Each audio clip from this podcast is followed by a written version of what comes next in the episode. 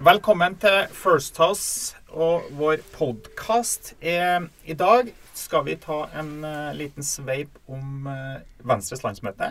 Vi skal snakke litt om KrFs uh, deltakelse i regjering. Og, og Knut Arild Hareide må vi selvfølgelig innom en tur.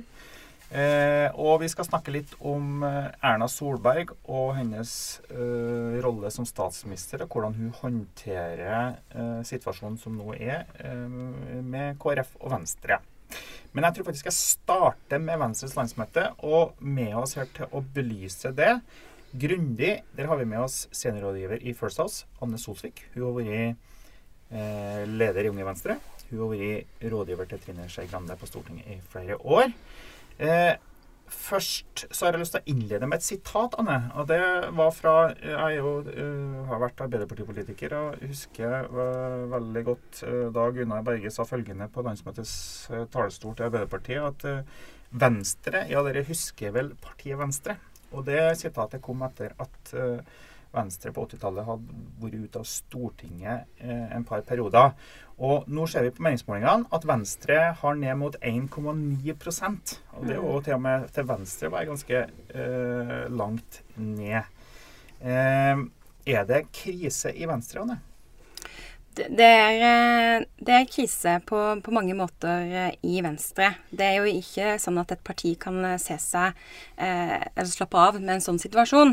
Eh, ikke bare er det en eh, dårlig situasjon på meningsmålingene, men vi er òg bare et halvt år før et, et nytt valg.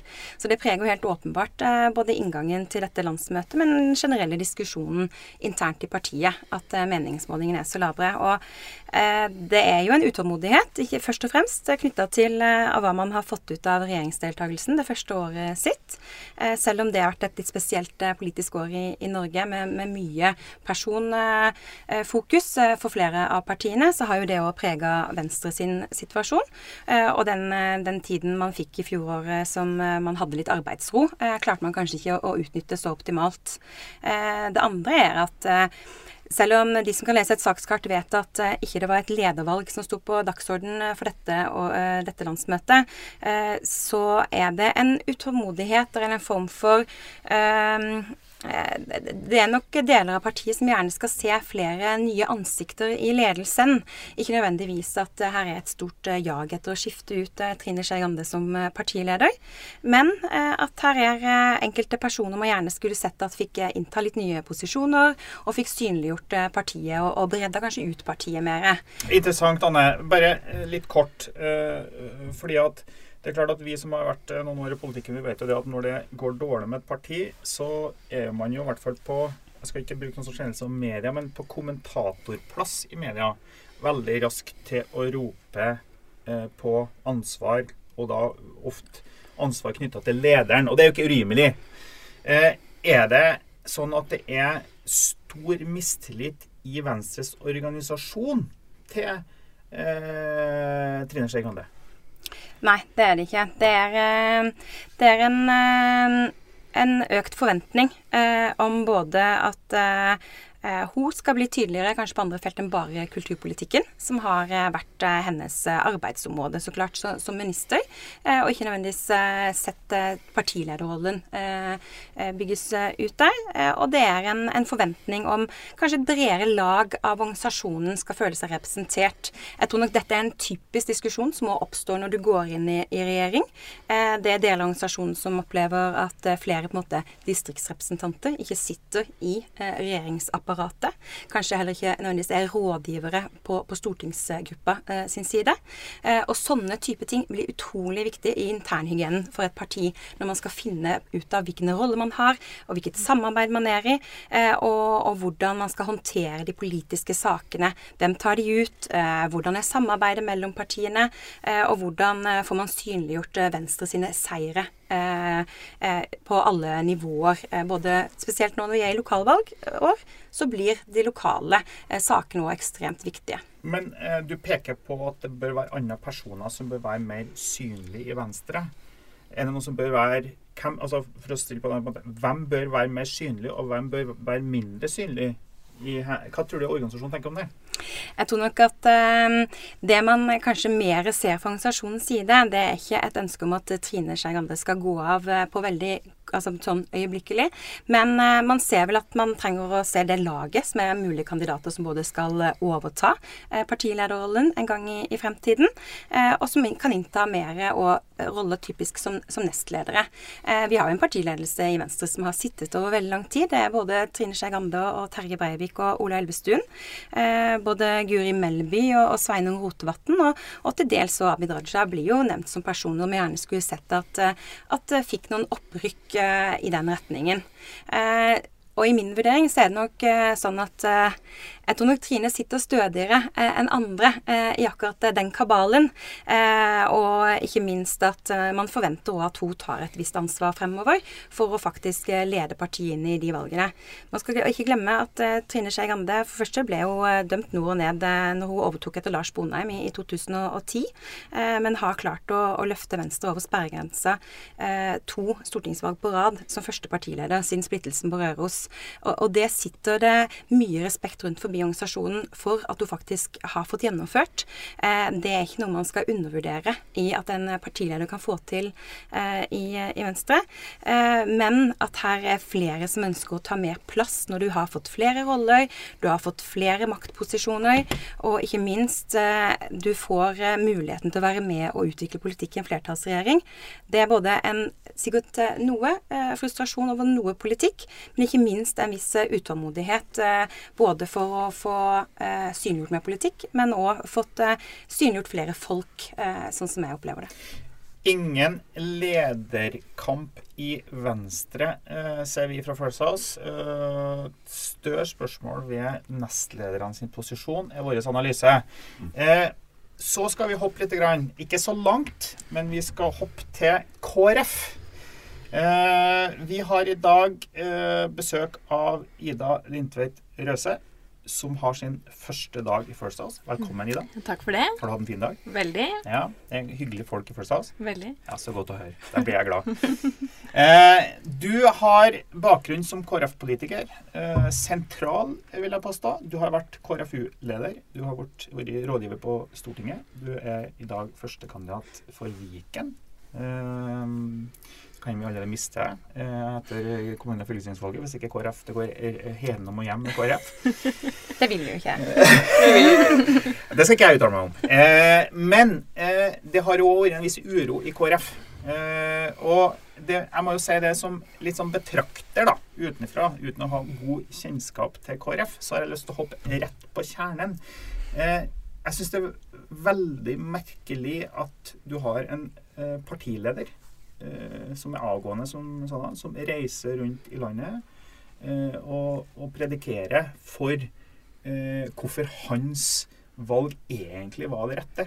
Når eh, flertallet på landsmøtet sa noe annet. Det tror jeg aldri Jeg, jeg, jeg må jo si at jeg, har, jeg, føler meg over gjennomsnittlig opplyst om hva som har foregått i norske partier de siste Nå er jeg ikke så gammel, men likevel har jeg lest mye de siste 50 årene. Eh, at en partileder som er avgående, har tapt en avgjørende retningsvalg, reiser rundt og agiterer for hvorfor hans valg var det rette. Er det martyren Knut Arild Hareide vi nå ser? Nei, eh, for det første så opplever jeg egentlig partiet som I hvert fall at man begynner å samle seg. Eh, sånn at jeg tenker Det må jo Knut Arild eh, bestemme seg for eh, eh, hvordan han skal eh, håndtere denne situasjonen. fordi det er klart KrF er i regjering, det kommer vi til å være, og han må innse at det valget er tatt. og det kommer vel heller ikke flere eh, situasjoner der det kan omgjøres på, i hvert fall ikke med det første. Men er han i feil med å, er Knut Hareide i, i feil med å plassere seg sjøl litt på sidelinja, både i norsk politikk og i KrF? Altså, Jeg har opplevd at han både har veldig samlende taler, og det tror jeg er veldig bra og viktig at han tar en sånn rolle. Men så så vi også på denne drivkraftkonferansen at han gjorde det totalt motsatte. Eh, altså gikk inn med en veldig tydelig beskjed om at partiet heller skulle fulgt hans råd. Og da må på en måte han innse at det gjorde man ikke, og så ta konsekvensen av det og jobbe eh, til det beste for partiet. fordi at at eh, ja, han har stor støtte. Eh, han har også deler i partiet som ikke har stor tillit til han etter eh, den situasjonen som var i høst. Og det må på en måte han ta til etterretning og, og se at han må bidra til å bygge KrF hvis det er det han ønsker. Bør Knut Arild Hareide ta gjenvalg til Stortinget i 2021? Jeg eh, tror nok at han er ferdig i norsk politikk, fordi jeg tror han har nok lyst til å gjøre andre ting eh, etter eh, neste valg. Over til noe sikkert langt hyggeligere eh, for en som er KrF-er. Eh, KrF ser ikke ut til å ha like store problemer som det Venstre har. Eh, er det Kjell Ingolf Ropstads fortjeneste?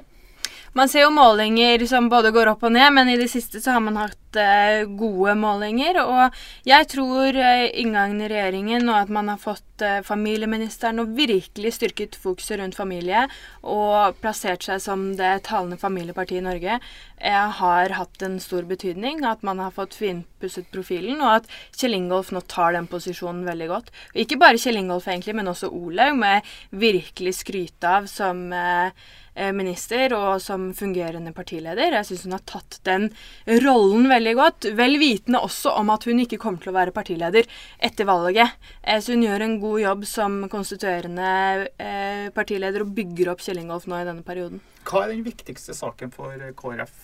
altså, på mange måter Når jeg ser på det, så ser jeg liksom et vrak som er partiet KrF er liksom krasja og liksom ødelagt, og det må rettes opp på mange måter. Og så er det jo sånn når du skal bygge et parti på nytt for det vil jeg nesten si at man skal gjøre, eh, så må man ha noen saker. Er det familiepolitikken, familiepolitikken, familiepolitikken som er mantraet til KrF nå?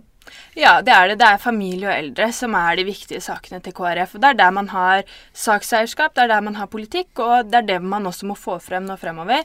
Så tror jeg det viktigste for partiet blir eh, å samles om både regjeringsprosjektet, men at de som er i regjering, snakker sammen med landskontoret, Stortinget, og at vi jobber sammen mot et eh, felles mål. fordi at eh, Eh, det som eh, ødelegger et parti, er jo hvis man begynner å kjempe mot hverandre istedenfor sammen. Og det er jo noe av det vi har sett liksom denne høsten. men jeg tror at en finpolering av familieprofilen vil være det avgjørende for at KrF løfter seg igjen. Hilde Frafjord Johnsen var eh, generalsekretær og eh, på mange måter er karakterisert nesten som en sånn opprørsgeneral på vegne av venstresida i KrF. Hun tapte som en del andre I motsetning kanskje til en del andre hærførere som taper krigen, så sitter hun. Er det et problem for Kjell Ingolf uh, Ropstad? Altså Tradisjonelt sett så har ikke generalsekretæren i KrF noe politisk rolle i det hele tatt. Men hun har, helt, vi er enige om at ja, har og det har vært på en måte helt nytt med eh, Hilde Frafra Jonsson. Så eh, jeg tenker det viktigste nå er jo om hun selv har motivasjon og energi til å bidra til å løfte partiet, og om det er en tillit eh, mellom henne og, og, resten av ledelsen i, i KrF. Eh, Sigbjørn Aanes, du har jo vært eh, rådgiver og statssekretær til Erna Solberg i en årrekke. Uh, før vi går inn på det spørsmålet som handler om, uh, om Ernas forhold til de to partiene her i regjering, uh, kan, tror du Kjell Ingolf Ropstad tillit til Hilde Frafjord Johnsen? Altså det, det, være, det, ser vanskelig ut fra utsida, i hvert fall eh, med den rollen hun har spilt. Eh, I hvert fall ut ifra det vi leser i, media og i pressen, så, så, så, så syns jeg det virker vanskelig. Og så jeg hensyn til partiet. Eh, man skal samles, og jeg tror det er viktig for KrF at man ikke fortsetter med rød og blå, men at alle blir gule, og at man, man tar de fargene av hverandre som man, som man har stempla hverandre med. Men samtidig så er, er, det, er, det, viktig nå å bygge tillit, og det er ikke sikkert at, at Hilde Frafjord Jonsson er den rette. Eh, som fra utsida ville jo jeg sagt at eh, det ville nok sikkert vært lurt å, å finne en ny partisekretær. Mm. Eh, Erna Solberg, eh, statsminister, etter hvert en meget erfaren statsminister. Eh, jeg husker veldig godt sjøl fra når jeg eh, var en del av et regjeringskollegium, at noe av det mest krevende i regjering var jo når enkelte av partiene begynte å slite på målingene. de kom ned mot sperregrensa. Man følte man ikke fikk gjennomslag. Det var misnøye i organisasjonen mot regjeringsprosjektet. Det er kanskje noe av de mest krevende situasjonene for en statsminister, tror jeg. Mm. Det tenker man kanskje ikke på, men i koalisjonsregjering så tror jeg faktisk det er noe av det mest krevende. Fordi du skal både ta hensyn til ditt eget parti, som du er partileder for. Så har du òg en viktig jobb som leder for et regjeringskollegium, der du òg er lederen til partiledere, som kanskje får det ganske tøft. Trine Skei Grande har jo hatt det ganske tøft. Eh, er Erna flink til å ta seg av Trine Skei Grande? Jeg tror, eh, Først vil jeg si at, at, etter KrF og Venstre kom i regjering, så er det på en måte to vinnere. Det ene mener jeg norsk næringsliv, fordi at det siste året i norsk politikk har vært prega av mye mer ustabilitet enn vi har opplevd de siste kanskje 15 årene. Vi har sett masse eh, vedtak i Stortinget etter forslag både fra Rødt og SV, og det, alle må jo få frem sine forslag, men det, det, har blitt noe mer ustabilt over norsk politikk det siste året. og Er det noe næringslivet trenger, så er det forutsigbarhet. Man kan forholde seg til de rammebetingelsene som kommer, men det må være forutsigbart. Og, og, vi så det jo med disse to flasker taxfree-vin som plutselig ble fjerna en ettermiddag i Stortinget. Ikke at taxfree-vin betyr så mye i seg sjøl, men det var et symbol på at på Stortinget så, så hadde, man, hadde man kanskje mista litt respekten for det å bare endre rammevilkår en ettermiddag, for du er litt kreativ i, i forslagene. Så jeg tror norsk næringsliv er vinner med ei flertallsregjering. Vi får mer stabilitet. Det andre vinneren er jo Erna Solberg, som, som har ønska ei flertallsregjering og prøvd å samle disse partiene over mange år. Jeg vil si at mange, la oss kalle det av kommentatorene, har jo dømt det prosjektet nord og ned veldig mange ganger, og egentlig aldri trodd at hun skulle lykkes med å få det til. Nå har hun fått det til, og på et tidspunkt hvor det var helt eh, nødvendig. Og når det kommer da Jeg husker veldig godt at i starten etter vi kom i regjering, så, så sa Erna Solberg, som jo har sittet i regjering før, at det vil til enhver tid enten være en statsråd eller et parti som står i stormen. Og sånn er det litt i regjering, at det er alltid en statsråd som, som er ute i hardt vær, eller alltid et parti som er i hardt vær. Og at vi må alltid huske å ta vare på hverandre. Og, på mange måter så kan du si at, at Erna mantra i dette er at you never walk alone. Du, du, du står ikke alene, fordi at prosjektet hviler hele veien på at alle fire partier må lykkes og føle at de er hjemme. Og da, da er, nok, eh, er, nok, Erna flink både til å, til å ta hensyn til, til, de utfordringene som Trine står i, men det kan også være Kjell Ingolf Olaug eller, eller, Siv Jensen. Fordi at det vil være... Hvordan tar hun vare på dem? Er hun eh, omsorgsfull? Gir hun dem politiske saker? Gir hun dem politiske seire? Gir hun dem nye departement? Hvordan, hva slags grep kan statsministeren egentlig ta? For det første så, så, så, er det jo det å eh, både være en god sjef og en god rådgiver i sånne situasjoner. Det snakke mye med statsråden sin. Og, og snakke med da spesielt disse partilederne, og, og, kanskje også bidra til at de ulike kan gi, gi, gode innspill og råd til hverandre. Ikke bare direkte fra en partileder, men det er jo eh, Erna Solberg har jo et apparat med mange flinke folk rundt seg. Høyre har en, har en helt annen størrelse og har kanskje mer tall og kunnskap og økonomi til å hente inn den type ting. som man dele med de andre. Og spesielt når det er vanskelig, for å, for å se hvor, hva er det som skal til. Så det er strategisk bistand på mange måter man stiller opp med? Ja, både strategisk bistand, men også det menneskelige i det å stå i, i hardt vær. For det, eh, jeg tror man av og til på utsida undervurderer hvor tøft det er å stå i disse stormene. Og at selv om du er partileder eller statsråd, så er du også et menneske. Du har familie, du har venner, du har andre som, som, som ser alt som skrives. og og det er ofte fordi de rundt dette er tøffe, så, så, også som et menneske så er det viktig som en leder.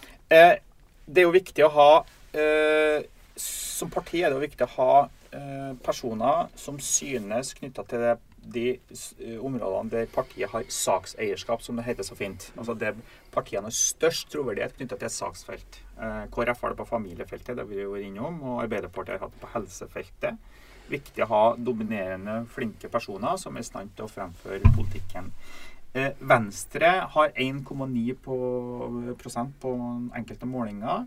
Har tydeligst sakseierskap på kunnskap. Hvorfor, lar, hvorfor eh, gjemmer Erna Solberg Trine Skei Grande bort i en kulturministerpost? Jeg tror For det første så tror jeg Trine Skei Grande var, hadde veldig lyst til å bli kulturminister. Og det tror jeg alle ser på at hun trives veldig godt i den posisjonen. Men det er det som er vanskelig Men får Venstre noen velgere på ja. det? For, du som har jobba med tall og analyser, for Venstre noen velgere på å ha en kulturminister som partileder, eller omvendt, partileder som er kulturminister? Det tror jeg faktisk godt de kan få. og Vi skal huske at hun er ikke den første partilederen som er kulturminister heller. Det, det har man hatt tidligere. Og jeg tror også Trond Giske eh, som kulturminister eh, klarte å generere både mye oppmerksomhet eh, og gjorde ganske gode valgkamper som kulturminister. Så gjort på rett måte så er det riktig. Men det er jo ikke noe tvil om at Venstre gjerne skulle hatt kunnskapsministeren. Problemet er bare at der Høyre også har sitt absolutt viktigste sakseierskapet også på kunnskap og skole. Og det har det vært på en måte siden Kristin Clemet-tida, begynnelsen av 2000-tallet. Så, så, derfor så er det en, eh, på mange måter en sunn konkurranse her mellom, mellom Høyre og Venstre, men det er også et, et, område hvor det er vanskelig for Høyre å gi fra seg, gi fra seg ministerposten. Anne, du skal få siste ordet her. Eh, eh, er det uklokt av Høyre å ikke gi fra seg kunnskapsministeren til Venstre, som vi sikkert Jeg tror vi kan si med sikkerhet at Venstre kunne tenke seg. Er det uklokt av Høyre? Syns de burde ha vært rausere med Venstre i denne sammenhengen? her? Jeg tror at i hvert fall Venstre hadde kommet bedre ut av det hvis de hadde hatt eh, kunnskapsministeren. Eh, og det tror jeg nok både partiet vet, eh, og, og, Høyre kanskje òg vet. Men eh, nettopp dette med at eh, her er et, eh, et sterkt eierskap til det fra, fra, begge partier, gjør dette ekstra krevende. Jeg tenker kanskje at det er en av de tingene som blir veldig interessant å følge, hvordan man nå når man er blitt en flertallsregjering, faktisk klarer å dra mer nytte av å bygge det sakseierskapet, gå på flere partier partier. Eh, hvordan jobber man nå når man eh, faktisk eh, har det flertallet man trenger til å gjennomføre saker? Hvordan sikrer man at partiene som skal dra nytte av, de områdene som er veldig viktige for dem, for, velgerne, kommer bedre frem? Trine sin posisjon som kulturminister tror jeg òg at det først og fremst kommer fra hennes kjærlighet til kulturpolitikken, og at hun så at utrolig mye var ugjort gjennom mange av de årene man har sittet i samarbeidskonstellasjonen med regjeringen regjeringen, og ikke sett at eh, statsrådene hadde fått ut eh, det potensialet som Venstre gjerne skulle se bli tatt ut på kulturfeltet. Sånn at eh, det er jo Venstres ansvar å klare å dra nytte av de områdene man har fått posisjon innenfor. Trine har fortsatt en rekke ting. Eh, hun må få synliggjort at eh, det var verdt det å innta akkurat eh, kulturministerposten. og ikke minst tror jeg det blir spennende for Venstre, som har et sterkt eierskap òg på, på, miljø- og klimapolitikken, å klare å synliggjøre det feltet og, og, det departementet mer i den retningen at vi ser det går mer og mer etter at Enova ble lagt til det departementet, i den grønne næringslivsretningen. Det å klare å være en del av utviklingen av næringspolitikken til denne regjeringen tror jeg òg blir en utrolig viktig sak tiltak for å, videreføre det eierskapet og bygge det eierskapet for Venstre? To eh, kjernesaker til Venstre, altså. Da sier jeg Ketil Linseth eh, på vegne av First House takk for denne podkasten. Neste politiske podkast fra First House det blir om eh, statsbudsjett, statsbudsjettprosess. Og så tror jeg vi skal innom Arbeiderpartiet og krisa i Arbeiderpartiet litt. Grann. Så takk for oss.